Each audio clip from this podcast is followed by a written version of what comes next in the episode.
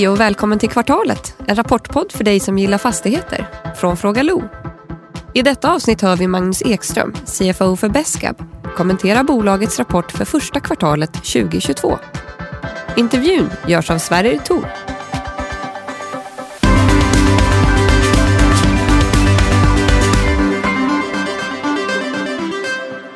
Då säger vi hej och välkomna till ännu ett avsnitt av kvartalet och hej på dig Magnus Ekström, CFO Beskab. Hej på dig Sverrir. Välkommen tillbaka. Tack ska du ha, alltid trevligt.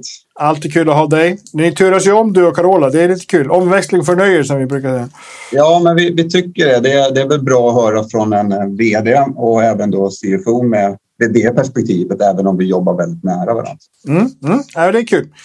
Det är kul. Men du, jag tänker innan vi släpper in Niklas Höglund så, så kommer den vanliga frågan. Är du nöjd med rapporten? Vi är nöjda och jag är nöjd med rapporten.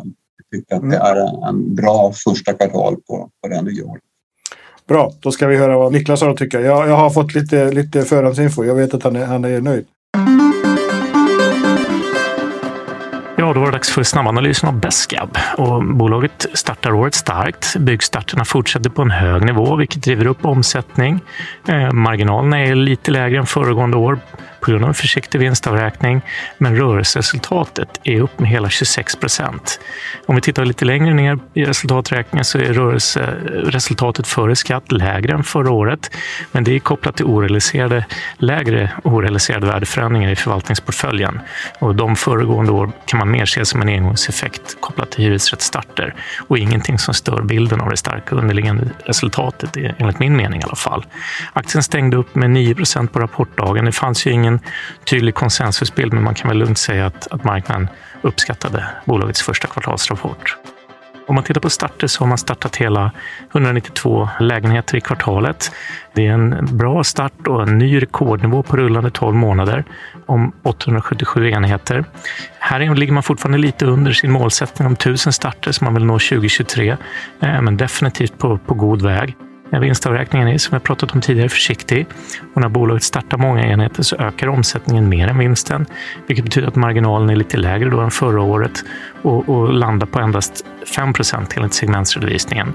Och, och, målsättningen som bolaget har är att ha en marginal över 10 procent, eller lika med 10 procent. Så det finns ju en, en bra catch-up där. Soliditeten, det vill säga det egna kapitalet i förhållande till det totala kapitalet, är fortsatt stark på 41 procent och det ligger över bolagets målsättning om 35 procent. Det här är någonting som eh, kan begränsa liksom avkastningen eftersom man har lite mer kapital än vad man har siktat på. Men trots den här starka finansiella ställningen och trots de lägre marginalerna så redovisar bolaget fortfarande över 15 procents avkastning på eget kapital de sista året, rullande 12 månader. Riktigt imponerande. Börsen har ju varit volatil och svag. Eh, det har ju även påverkat Besqab-aktien. Eh, underliggande bostadsmarknadspriser är ju viktiga att hålla koll på. De har ju varit väldigt starka. Eh, men här finns det i dagsläget osäkerhet kring konsumentförtroende och även boprisindikatorn har ju vänt ner. Och vi ska inte glömma bort Finansinspektionens negativa rapport som också påverkade sentimentet negativt. Och sen har vi byggkostnaderna som har stigit kraftigt eh, och också förklarar osäkerheten. Här är bolaget väldigt tydliga med att, att man jobbar hårt för att mitigera de här stigande kostnaderna och att man har en väldigt stark track record för att kunna överbrygga stigande kostnader. Och tittar man på resultatmässigt så kommer ju de senaste årens starka marknad gradvis ge stöd till vinsten i Besqab genom den här försiktiga vinstavräkningen. bolaget har ju framgångsrikt visat flexibilitet, både när det gäller hyresrättsförsäljningar och vårdboende som man har i portföljen. Bolaget har en stark bas och för den som gillar försiktiga kvalitetsbolag har fortsatt mycket att hämta i Besqab.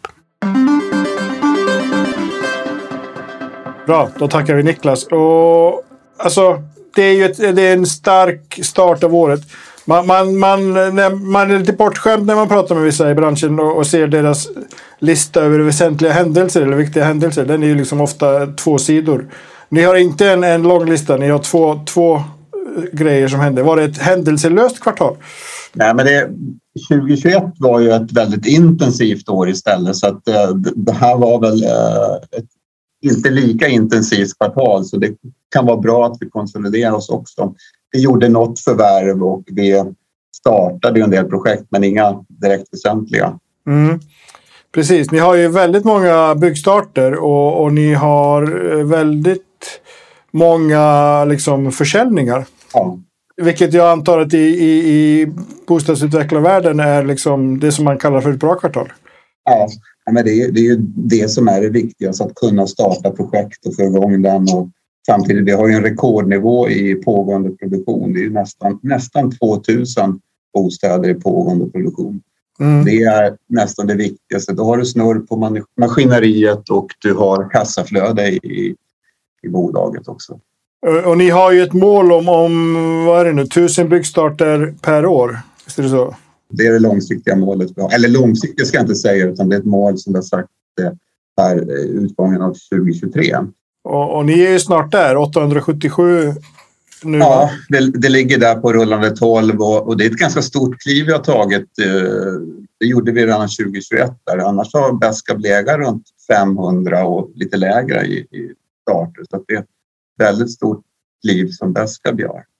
Mm. Hur, hur mycket liksom i, i vad ska man säga, kostnadsmassa innebär ett, ett en sån esk, vad ska man säga, eskalering kanske tar ju, men, men en sån liksom ökning av, av uh, verksamheten? Ja, men det, det, man kan titta på de nyckeltal vi hade 2021, där framförallt uh, nettoskulden som, som, där vi använder vår starka balansräkning som vi har haft genomgående med väldigt hög soliditet. Mm. Vi tryckte vi ner den och ändrade kapitalstrukturen och, och tog upp lite mer lånat kapital utan att ta på oss för mycket risk också. Så visst, det är, det är en kapitalintensiv eh, business som vi håller på med. Så det tar mycket mm. kapital. Mm. Framför allt att eh, tillträda och förvärva de, de byggrätter vi hade där. Det är, det är där mm. det behövs kapital eh, initialt. Mm. Men hur mycket behöver ni utöka organisationen? Det är projektledare antar jag för varje, varje projekt. Nu, nu sitter inte ni med hammare och spik men, men ni måste ju ändå samordna allting. Ja, nej men det, den där är jätteviktigt och tittar man på ett år tillbaka så har vi ökat organisationen med ja, 16 personer netto. Okay. det, är, det är inte så många som har slutat heller så det är ett bra bolag att jobba i och som sagt vi har stärkt egentligen på alla positioner. Eh, mm. Men framförallt det du tar upp Sverige är ju projektledare och platschefer och arbetsledare. De som är ute i projekten är ju jätteviktiga att få in. Mm. Mm. Och enligt, enligt vd-ordet som, som Carola såklart skriver, men, men eh, som vd, då, då har ni ju det är ett rekordkvartal vad gäller eh, försäljningar. Va? 122 istället för 88 ja. jämfört med förra året. Precis. Alltså ni upplever fortfarande en stark marknad?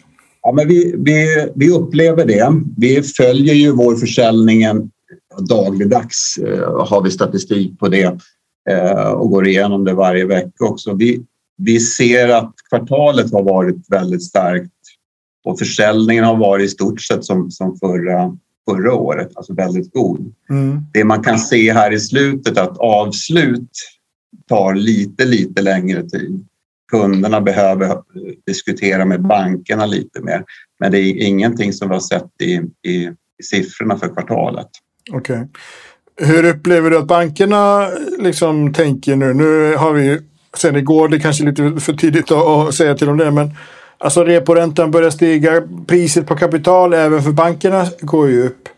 Eh, och de lär ju vilja ha mer betalt för det. Hur, hur, liksom, hur, hur resonerar marknaden kring, kring det som händer i, eh, på kapitalmarknaden? Nej, men visst, vi, vi, vi, har ju, vi jobbar ju med alla. Vi har ju som två affärer. Vi har ju dels vår egen affär där vi ska finansiera eh, våra tillträden och vår, vår operation med förvaltningsfastigheter. Sen har vi ju då våra kunder som har en, en finansieringsdel också. Om, om, vi tar först på våran sida så jobbar vi ju med alla, alla banker mm. där och det är jätteviktigt att, att sprida ut oss.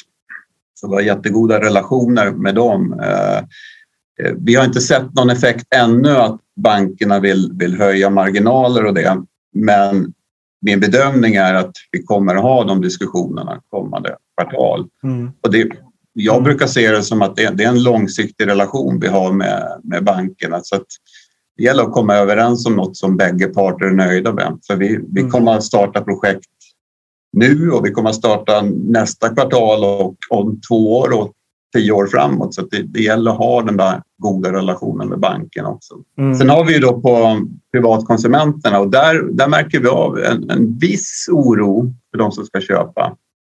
Att, att, att de, eh, de talar med banken och kan man räntesäkra till exempel sitt, sitt eh, framtida köp och så vidare.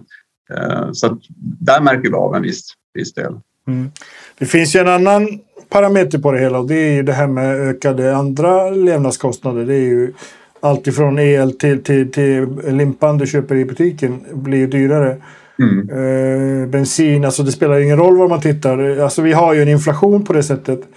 Eh, sen vad det är som driver den, det, det är ju en framtida analys kanske. Men, men känner ni av att, att kunderna liksom rent generellt eller har de sparande? Har de liksom fortfarande marginal för att, för att ja, betala en, en, högre ränta och köpa? Ja, men det, det tycker vi. märker inte av några sådana diskussioner. Jag, jag, tror att boendet är viktigt. Det, det är nästan det är högst upp mm. på, sina utgifter så den, den prioriterar man. Så att vi har inte hört de signalerna från, från kunderna att, att ja, nej, men nu blir allt dyrt och så ska räntan bli dyrare. Och, och det. Men, mm. visst, med alla är människor. Det, det där kommer vi nog märka av. Får bli leverpastej istället för gåslever. Ja, men så, det kan vara gott det också. Som sagt var. Nej, men vi, vi märkte det under eh, coronatiden eller pandemin att eh, man prioriterar boendet. Det är jätteviktigt. Mm, mm. Men eh, det finns ju andra parametrar. Vi har ju pratat om det här i förra tidigare poddar. Det är ju det här med, med externa kostnader som, som ni möter i, i själva liksom när ni, när ni handlar upp bostäder och, och liksom eh, bygg, byggföretagen. Det är materialkostnader, det är materialbrist. Det är även det tarvar en del energi att liksom bygga, bygga ett hus. Alltså allting sånt där. Hur, hur upplever ni er marginal? Behöver ni sänka den eller behöver ni höja priserna? Hur, hur, liksom, hur funkar det? Ja, men det där är ju rätt. Det, det, det, det är utmaningar i för hela samhället naturligtvis. Men, men om vi nu går in på vår bransch så, så har vi utmaningar med, med kostnadsökningar. Det är, eh, i stort sett i, i alla led så är det, är det kostnadsökningar vi pratar om. Å andra sidan så har vi en, eh, vi har en eh, affärsmodell med en en kompetent organisation som, där vi handlar upp entreprenader på, på delade entreprenader. Så att vi, vi, mm. vi, vi, står ju inte bara med en part och förhandlar eh, där. Men visst, vi ser kostnadsökningar. Eh, men de kan vi hantera inom, inom eh, vår affärsmodell. Sen har vi, vi är ju försiktiga, vi har varit försiktiga i, i goda tider också. Så Jag kände för det. Ja, och, och, och då klarar vår affärsmodell av även tuffa tider. Mm. Eh, vi har en byggrättsportfölj som ligger i väldigt, väldigt bra lägen. Eh, och då går det att, att starta de projekten och ha bra marginaler. Sen jobbar vi med, det är klart vi har, har eh, lite marginaler i våra projektkalkyler mm. också så att vi ska inte behöva tumma på marginalen speciellt mycket i varje fall. Okej, okay, okej. Okay. Eh, om du skulle måla upp det liksom sämst, sämsta potentiella scenariot som, som du skulle kunna se. Vad, vad, liksom, vad, vad, vad är det som skulle krävas för att, att du skulle bli orolig om man säger så? Nej, men det, dels, det, vi vet ju inte hur, hur kriget, hur, hur länge det kommer att hålla på och hur det påverkar omvärlden. Det, hur länge kommer inflationen vara till exempel och hur påverkar det räntan framåt. Jag tror att man kan, man kan hantera en, en eh, ränteökning, både vi som företag och även privatkonsumenterna kan nog hantera en, en ränteökning eh, som kanske till och med är dubbelt som den här nu. Men skulle den sticka iväg mm. mycket högre, då kan det nog bli tufft för en del. Både att köpa men också för bolag att finansiera verksamheten. Eh, så är det. Så att det, det värsta scenariot är väl att om, om räntan skulle sticka iväg alldeles för långt. Okay, ni, ni har ju börjat eh, på något sätt ändå ska man säga, preppa för det här med, med liksom, ni har ju börjat utveckla för egen förvaltning, eh, för liksom försäljning av hyresrätter även också. Eh, är det liksom en plan B eh, som ni eller jobbar ni parallellt med de här? Liksom att, det finns ju fortfarande väldigt mycket kapital som ligger i, i olika institutioner runt om i världen och som gärna kommer in till Sverige. Mm.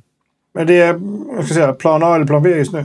Nej, vi, vi, vi, har ju en strategi som vi följer och det är att vi vill bygga upp ett eget förvaltningsbestånd. Kortsiktigt har vi satt upp vissa mål där också men nu planerar vi även då för vad som ska hända efter de målen som vi har satt upp till 2023. Då. Och eh, vi vill eh, utöka den delen naturligtvis men mm. eh, hittar man en affär där vi hittar externa tagare på hyresfastigheter, ja varför inte? Mm, mm. Alltså hur flexibla, om man tänker de, de byggrätter ni har och detaljplaner ni jobbar efter, hur flexibla är de sett till att, att stämpla om projekten till från bostadsrätter till hyresrätter, från kanske bygga lite annorlunda än det man hade tänkt från början? Ja, nej, men man, man, vi är flexibla men sen ska man ha respekt för vad som står i detaljplanen och vad som ibland kan det vara avsett för, för bostadsrätter. Eh, och då, då, är målet att, att bygga också bostadsrätter. Mm. Sen får man ta en dialog i så fall med, med kommunen om man vill ställa om till hyresrätter och för att det är, mm. det, det, är det bästa för just det projektet. Kan det ändra den underliggande kalkylen alltså utifrån vad kommunerna vill ha betalt? Nej, in, inte just nu eh, som jag ser det. Okej. Okay, okay. Eh, det är en sak som jag faktiskt eh, hajade till rätt rejält här när jag läste rapporten och inget negativt men, men jag har ju lärt mig och jag tror alla har lärt sig som har lyssnat på våra poddar att segmentredovisningen brukar ju gett bättre resultat än, än IFRS. Nu var det ju tvärtom. Vad hände här?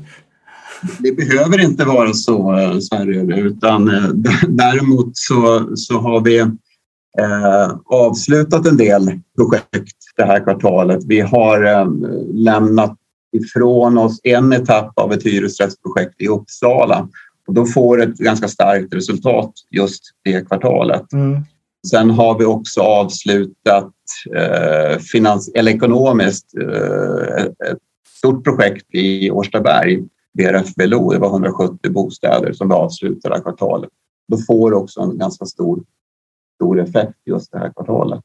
Då, då, kan ni räkna hem intäkterna så att säga? Ja, det, du tar ju upp hela intäkten och, och kostnaden just där och då. Okej. Okay.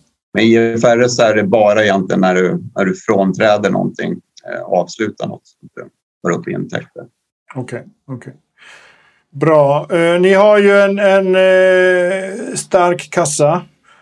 Har ni en, en, landbank så att säga? Har ni, har ni mark som ni eh, liksom kan säga ni köpte ju här lite mark under kvartalet uh, i, mm. i Tyresö. Men, men har ni mark så att ni liksom skulle kunna takta på i några år? Även om, även om det skulle liksom bli en, en tuff marknad? Vi har, vi har en, bygg, en fin byggrättsportfölj på runt 4 000 eh, byggrätter och, och som sagt den, den är jättefin. Den skulle behöva stärkas upp. Vi har ju som sagt var målet om att starta 1000 bostäder och Eh, man vill nog ha det där på sex år så att man, vi borde nog stärka upp den där och några tusen byggrätter. Sex år kan man säga löpande då, så att ni alltid har sex år fram, framöver? Ja. Så, så kan man säga för varje tusen ni startar de kommande två åren skulle ni behöva köpa 2000? Ja, vi behöver stärka upp de kommande åren, byggrättsportföljen. Men, eh, mm. men som sagt var, vi är, vi är ganska picky. Det är, det är viktigt att det blir bra byggrätter också. Så att det inte bara blir volym. Mm.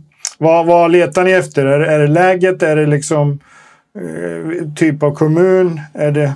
Vi, vi, är ju i väldigt många kommuner i Stockholms län och även, även i Uppsala. Då. Sen har vi ju även då förvärvat eh, något projekt i Eskilstuna. Vi har via vårt dotterbolag Rå har vi i Västerås, Linköping, även i Luleå. Men det är ju Mälardalen och, och Stockholm och Uppsala som vi främst mm. verkar i. Så att, det är Rå där, precis. Så det, det blir lite spännande. Okej. Okay. Eh, det är kul att du nämner Luleå, för det händer ju enormt mycket där uppe. Inte bara där, framförallt inte bara där, utan kanske främst i Skellefteå och, och, och där runt omkring. Eh, skulle det liksom kunna bli aktuellt för Beskab och, och liksom börja? För det, det behövs ju aktörer där uppe som utvecklar bostäder om man säger så. Ja, nej, vi, vi, har inte, vi har inget uttalat eh, om, om just den geografin där. Eh, utan det är framförallt Rå som, som är lite mer eh, opportunistiskt runt om i landet där man kan hitta eh, byggrätter. Det gäller att det är inte så enkelt att göra en bostadsrättsaffär till exempel uppe i Skellefteå där vi inte har någon organisation till exempel. Mm, mm. Men visst, vi, vi, nu har vi geografin Stockholm, Uppsala, Mälardalen på sikt så kan den säkert breddas. Det, det tror jag. Okej, okay, okay, Innan vi rundar av så tänkte jag just fråga om Raw Property. För ni har ju köpt aktier där eh, mer för 3,6 miljoner. Mm. Äger nu 63 procent. Mm. kan man förvänta sig att ni, ni ökar på där eller får, får, du kanske inte berätta det? Nej, det får jag nog inte berätta. Men jag tycker nu har vi en ganska bra ägarstruktur. Vi, vi, eh, den andra huvudägaren är, är bra och relativt finansiellt starkt, även om det är vi som är den finansiellt starka ägaren i, i RÅ. Mm. Det är inte så mycket kassaflödesdrivande för oss eller påverkande. Eh, däremot är det ett väldigt spännande eh, bolag att, att äga och, och följa och hjälpa till att utvecklas. Mm. Jättespännande projekt faktiskt. Man vet aldrig, eh, är svaret så att säga. Precis. Ja, men, rå, rå är ju, där avslutar vi ju första råa projektet då i, i förra året i Uppsala och allt är slutsålt och nu börjar de flytta in så att eh, man kan hålla utkik på sociala medier. Det kommer nog eh, komma trevliga filmer där man kan följa familjer som bygger om sin, mm. sin lägenhet där. Så det, mm. det, det är tips. Då uppmanar vi alla att göra det. Ja, absolut. Toppen. Eh, en sista fråga Magnus och det är det som alla får det här kvartalet. Eh, brukar vi ha en sån. Eh, den här gången är det svårt att komma runt det som händer i Ukraina och, och liksom, så jag frågar alla vilka tankar har man, har man kring det? Ja, nej, men det är, uh, det, det är fruktansvärt. Eh, helt otroligt. Det som hände den 24 februari där, det var ju en, en, en chock och sen följer man ju det titta på bilder. Ja, det, det, det, är helt otroligt. Man kan slås av hur sårbar världen är av en persons beslut. Det, det kan man fundera över. Sen allt lidande som, mm. som man ser. Det, de som bor där och eh, barn och kvinnor framför allt men, men också eh, männen som behöver lämna sina familjer för att kriga. Så det, det, helt otroligt. Ja, en sak som jag kan tycka är att man, jobbigt är att man blir avtrubbad också. Man liksom, ja. Det är nästan så att man slutar reagera på, på nya nyheter på något sätt. Ja, ja men visst. visst eh, ja, det, det, det är hemskt, men jag försöker följa det ändå så, så mycket möj, som möjligt. Mm. Det här mm. för att mm. bilda sig sin uppfattning. Ja, jag förstår det. Jag förstår det. Men eh, stort tack ska du ha Magnus. Vi får hoppas att det här löser sig så snabbt ja. som möjligt av, av många olika skäl. Definitivt. Tack själv Sari. Och tack för att ni lyssnat.